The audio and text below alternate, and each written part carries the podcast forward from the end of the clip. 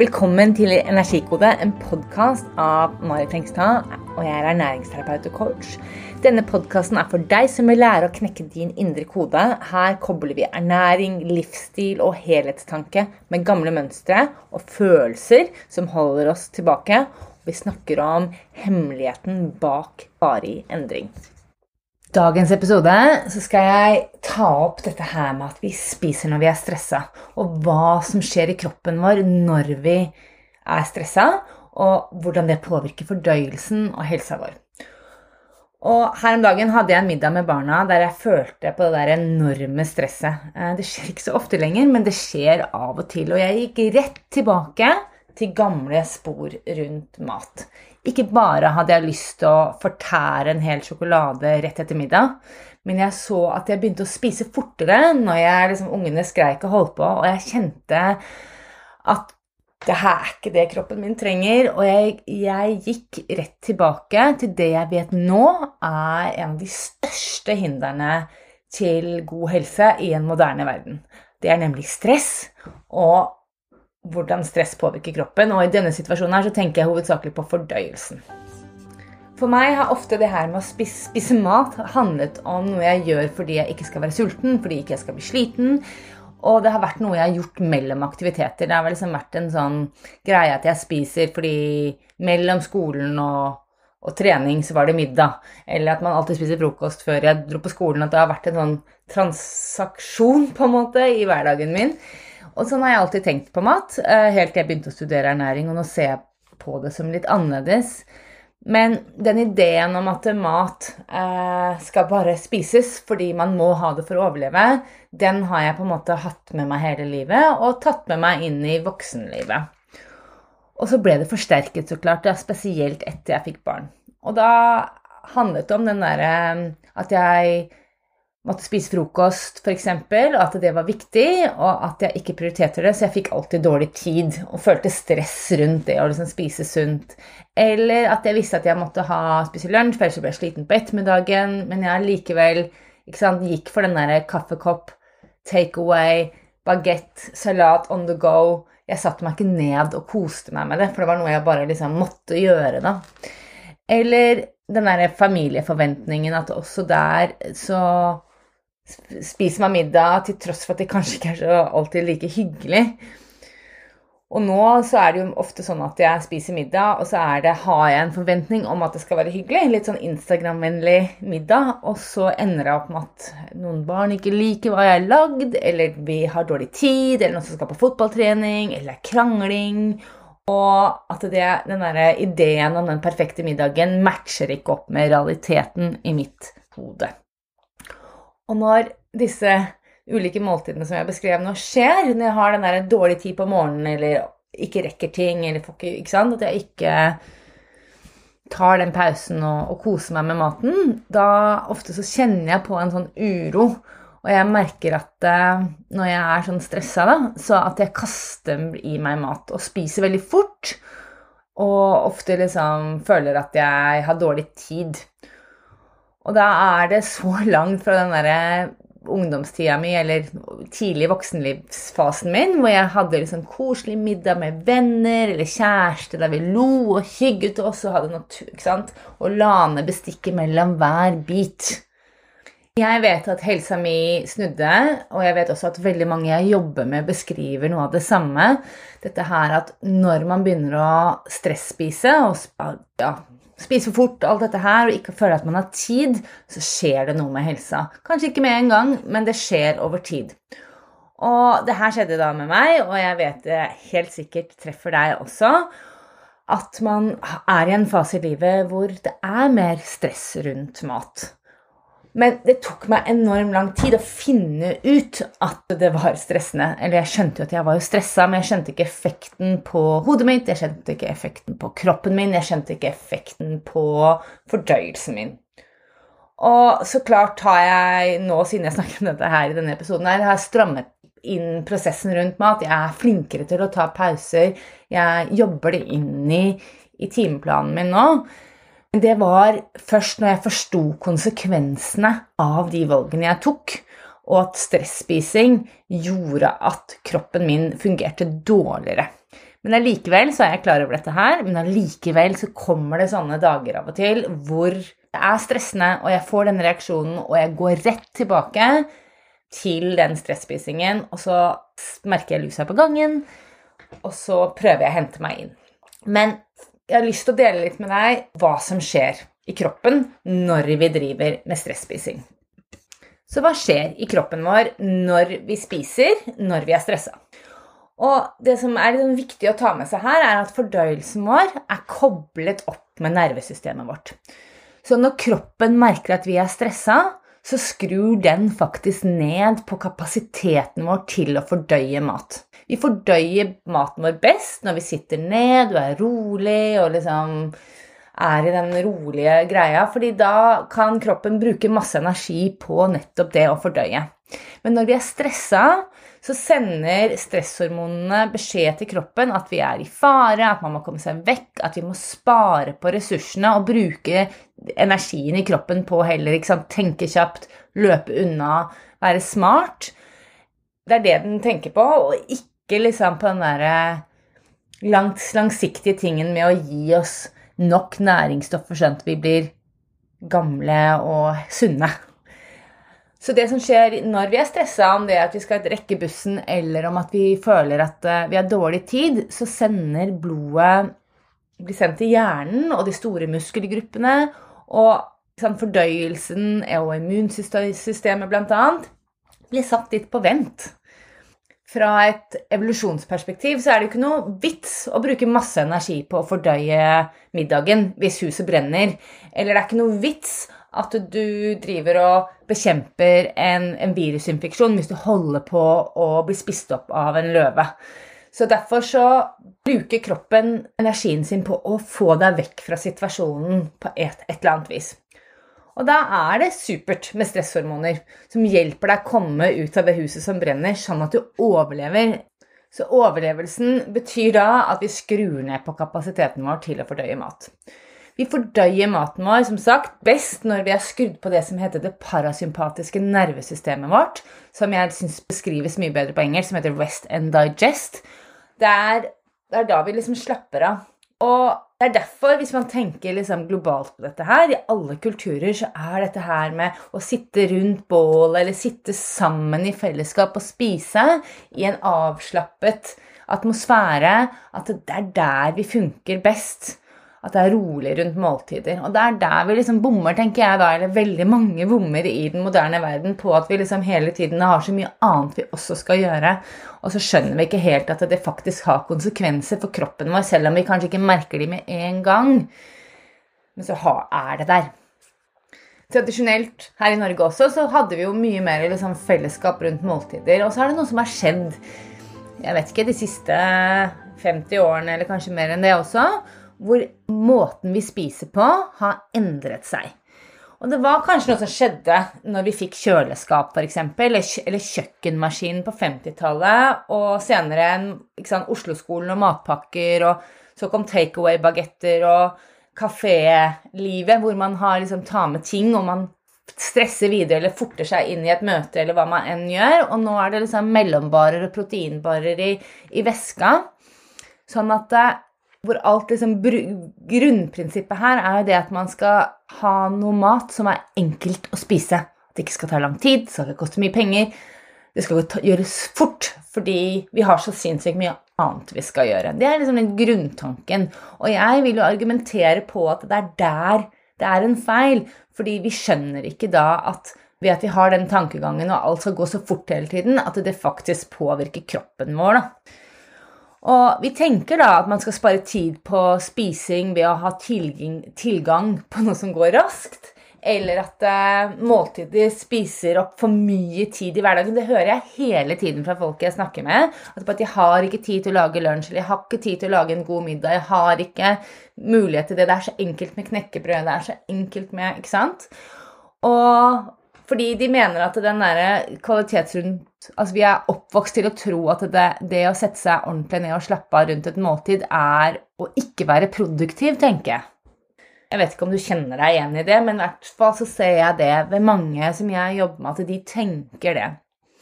Og da er det lett å tenke at et måltid kan byttes ut med en næringsshake eller en smoothie eller kanskje vitaminer på boks. Så vi rekker alt annet, sånn at vi er produktive og får gjort ting og liksom skaper noe verdi, da, og ikke sitter og later seg. Og det kanskje er noe med den der kulturarven vår som tenker mye på det, at man liksom får vår lønn i himmelen, at det er ikke lov å slappe av. Og jeg tenker Det er i hvert fall noe jeg har vokst opp med. Dette her at man skal stå på veldig for å være produktiv og være verdifull ved å produsere ting. Og derfor så blir det naturlig at det, det å ta seg tid til et godt måltid og slappe av rundt det å spise, eller bruke tid på å lage mat, blir på en måte nedprioritert, da. Og et annet element med den der moderne verden med kjøkkenmaskiner og kjøleskap og sånn som jeg nevnte, er jo dette her med at vi er jo vant til at all mat kommer fra bare butikken. At uh, unge skjønner ikke at uh, altså, yoghurter kommer fra en ku, eller at brød kommer fra korn. Uh, og så tar vi liksom Nå vet jeg at du skjønner det, men det, vi har en sånn tanke om at mat er mat, og mat er næringsrikt. Så når man kjøper mat i butikken inn fra Norge, liksom, så er det næringsrikt. Det er ikke Mækkern, men det er næringsrikt. Men så glemmer vi det at det er jo den maten I hvert fall det som, blir, som har plastikk på seg, da. Uh, som ikke er grønnsaker. Uh, det er jo ultraprosessert, eller i hvert fall prosessert, og ofte fattig på næringsstoffer. Fordi har, det er prosessen fjerner jo veldig mye av fiberne og næringsstoffene og sånn. Og i tillegg så kanskje er det masseprodusert, eh, grodd et sted eh, i, i, der hvor det er sånn monokultur, som det heter, hvor man gror én ting veldig lenge, sånn at næringsstoffene i jorda er mindre enn det det hadde f.eks. vært for 50 år siden. Da. Så jeg vil argumentere det at vi får faktisk, selv om det er en overflod av næringsstoffer, altså det er veldig mange som er overvektige f.eks., men, men de får kanskje i seg for lite næring som kroppen faktisk trenger. Så du får ikke i deg de byggeblokkene, da, på en måte, vitaminene og mineralene du trenger for å ha en sunn kropp. Så det er noen tanker rundt mat som jeg tenker er ikke helt stemmer med hvordan mennesket, hvordan vi trenger å fylle på bensintanken i egen kropp. Og så kobler vi denne moderne tankegangen med at mat skal være kjapt og greit, og butikkmat er supert, og vi trenger ikke å liksom At det dekker våre behov. Med den stresskulturen da, vi ofte lever i, eh, der vi ofte tenker at vi har det i oss til å kunne få til alt på den der evigvarende to do-lista som bare blir lengre og lengre. Og vi sier fortsatt ja, og vi blir med på ting, og vi får, vi får dårlig tid, og så må vi kutte på noe, og da er det veldig lett å kutte på kvaliteten i dette her å, og spise og ha en lang lunsj eller bruke tid på å lage mat, da.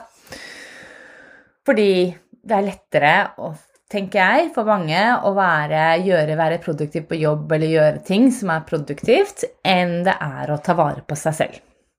Utrolig nok, egentlig. Og da blir det disse samvittighetskvalene for alt vi burde, alt vi skulle ha gjort.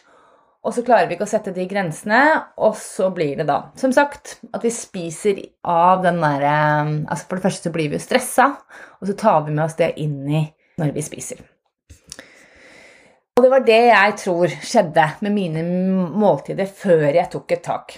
Jeg forsto ikke at jeg kom inn på kjøkkenet og hadde dårlig tid, at det påvirket fordøyelsen min. Jeg forsto ikke at det stresset jeg følte på, smittet over på barna og på resten av dagen min. At det rett og slett ble en følgefeil, kanskje. Um, og jeg forsto ikke at jeg spente bein på meg selv fordi jeg satte i gang å stresse om å finne en magisk løsning eh, på mine problemer. For det er jo liksom det jeg gjorde. Fordi jeg hadde mageproblemer, og så fant jeg aldri ut av det. Men jeg så aldri på dette her om at jeg var faktisk gikk inn i et måltid og var stressa. Jeg skjønte ikke at det faktisk det var en av de grunnpilarene da, og det ser jeg nå, det ser jeg gang på gang, idet man klarer å roe ned det stresset og ta litt bedre valg og lage et ritual, en rutine rundt mat, som gjør at man ikke har de stresshormonene som forstyrrer. Det er så mye lettere å få til. Og jeg tenkte faktisk mer enn en grad i ernæring for å finne ut denne sannheten om at jeg var stressa, at det påvirket magen. Jeg måtte faktisk erfare det. Og jeg tror grunnen til at jeg syntes det var så vanskelig å forstå det eller gjøre noe med det, eh, var at jeg forsto ikke at jeg faktisk var stressa. Jeg forsto stress som et sånt adrenalinkick som slo til når pulsen slår hardt og ubehaget er der. Når man liksom eh, er nervøs for noe eller skal prestere eller man skal rekke bussen eller hva. At det var det jeg trodde var stress. Jeg så ikke, eller jeg erfarte ikke at jeg var stressa. Jeg skjønte ikke at de underliggende stresshormonene som er i kroppen, påvirker kroppens funksjon over tid. For sånn er det nemlig.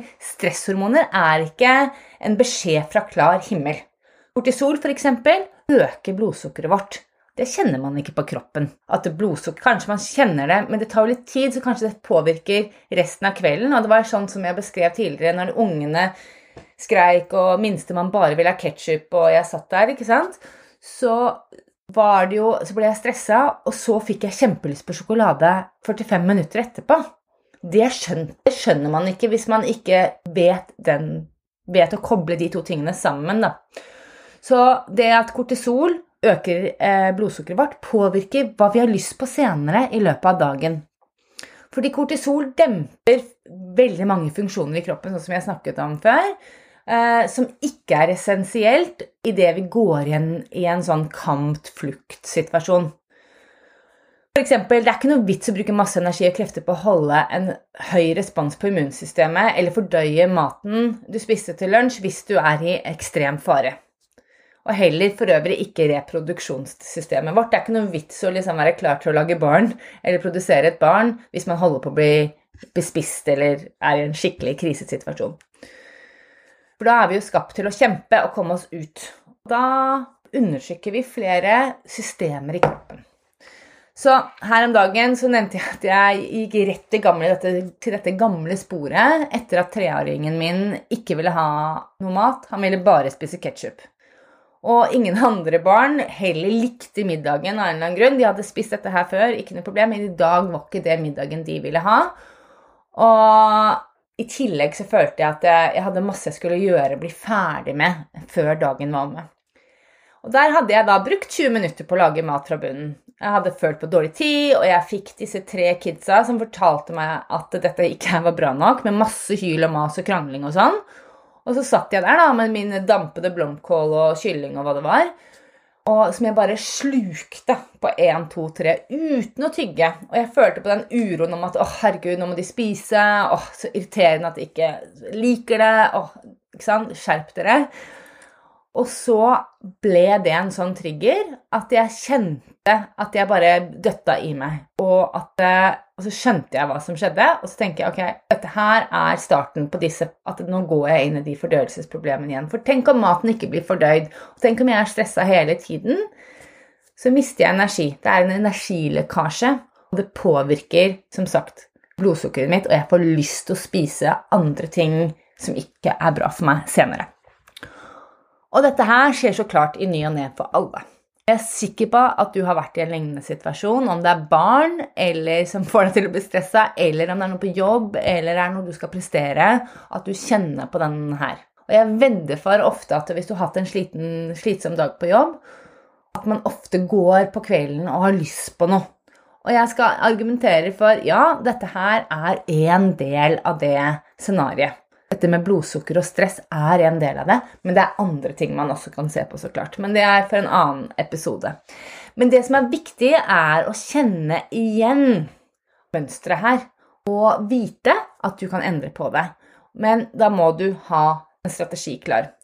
Og det beste er jo så klart å ikke komme dit. Ha fryseren full med mat som eh, alle liker, eh, som du kan fiske ut på morgenkvisten, sånn at du har liksom, planlagt den maten, og det snakker jeg mer om i ritualserien min. Du kan sjekke den ut på nettsiden. Men hvis det ikke går fordi man har barn som skifter mening om hva de liker eller ikke liker, eller du ikke rakk butikken, eller fryseren er tom, og du må lage nødløsningsmiddag, og det skjer for alle Det er helt greit, men det er bare å vite hva gjør du i en nødsituasjon, da? Hva, så hvilken strategi kan du bruke for å takle dette her på best mulig måte? Og Jeg har sett på et par ting som jeg har lyst til å dele med deg. Eh, og Det ene er pust. Det å ta noen dype pust inn, mellom, inn gjennom nesen og ut gjennom munnen gjør at nervesystemet ditt endrer seg. Og du går rett inn i dette rest and digest, dette parasympatiske delen. Og det er et veldig godt tips før man serverer middag. Har du lagd middag, eller skal du spise, at du liksom før du spiser Du kan stresse rundt så mye du vil, men bare at du tar deg noen sånne pust du begynner, før du begynner å spise. Den andre tingen jeg har lyst til å nevne, er det å tygge. Og jeg tror veldig mange tygger ikke nok. Uh, å tygge er første delen av fordøyelsessystemet vårt, eller fordøyelsesprosessen. Og det hjelper å aktivere enzymer i magesekken. Noe som vil også motvirke stress, men det vil i hvert fall motvirke eh, reaksjonen på stress da, i, i tarmsystemet. Og du kan jo forestille deg forskjellen på å sluke maten på 1, 2, 2, 3 versus det å tygge hver bit. Og det føles veldig annerledes. Det føles kanskje at du er mer til stede i matprosessen også. Og et sånn praktisk råd, den, den tredje tingen du kan prøve deg på, er det å legge ned bestikket mellom hver bit. Eller legge ned biten, da, hvis du f.eks. spiser brødskive. At du legger ned, at man ikke sitter og holder på maten hele tiden. Og Da kan du bruke dette trikset med å tygge og legge ned hver bit. Eh, eller bestikket mellom hver bit. Det gjør at du får mer pause, at man, nervesystemet får en liten brems. da, Og at man kan roe helt ned. Og husk det, og det å spise for fort, det å ikke tygge, det å føle den uroen ved måltidet, påvirker kroppen, og det påvirker evnen til å fordøye maten. Å få næringsstoffer ut av maten, og sørge for at fordøyelsessystemet fungerer som det skal. Så i denne episoden har du lært at det ikke bare er å velge mat som er næringstett, som er næringsrik, supermat som gjelder, men også hvordan du har det når du spiser. Er du stressa, så fordøyer du faktisk maten dårligere, og det kan ha en stor påvirkning på opptak av næringsstoffer og tarmhelse. Ved å bli mer bevisst på hva du kan gjøre rundt måltider og lage deg en god strategi som funker i en krisesituasjon, kan du finne en måte du kan takle dette på enda bedre. Så tusen takk for at du lyttet på denne episoden. Ønsker du mer tips, eller vil du ha en strategi som funker for deg? Så kan du lese mer om det på min hjemmeside energikode.no. Vi snakkes.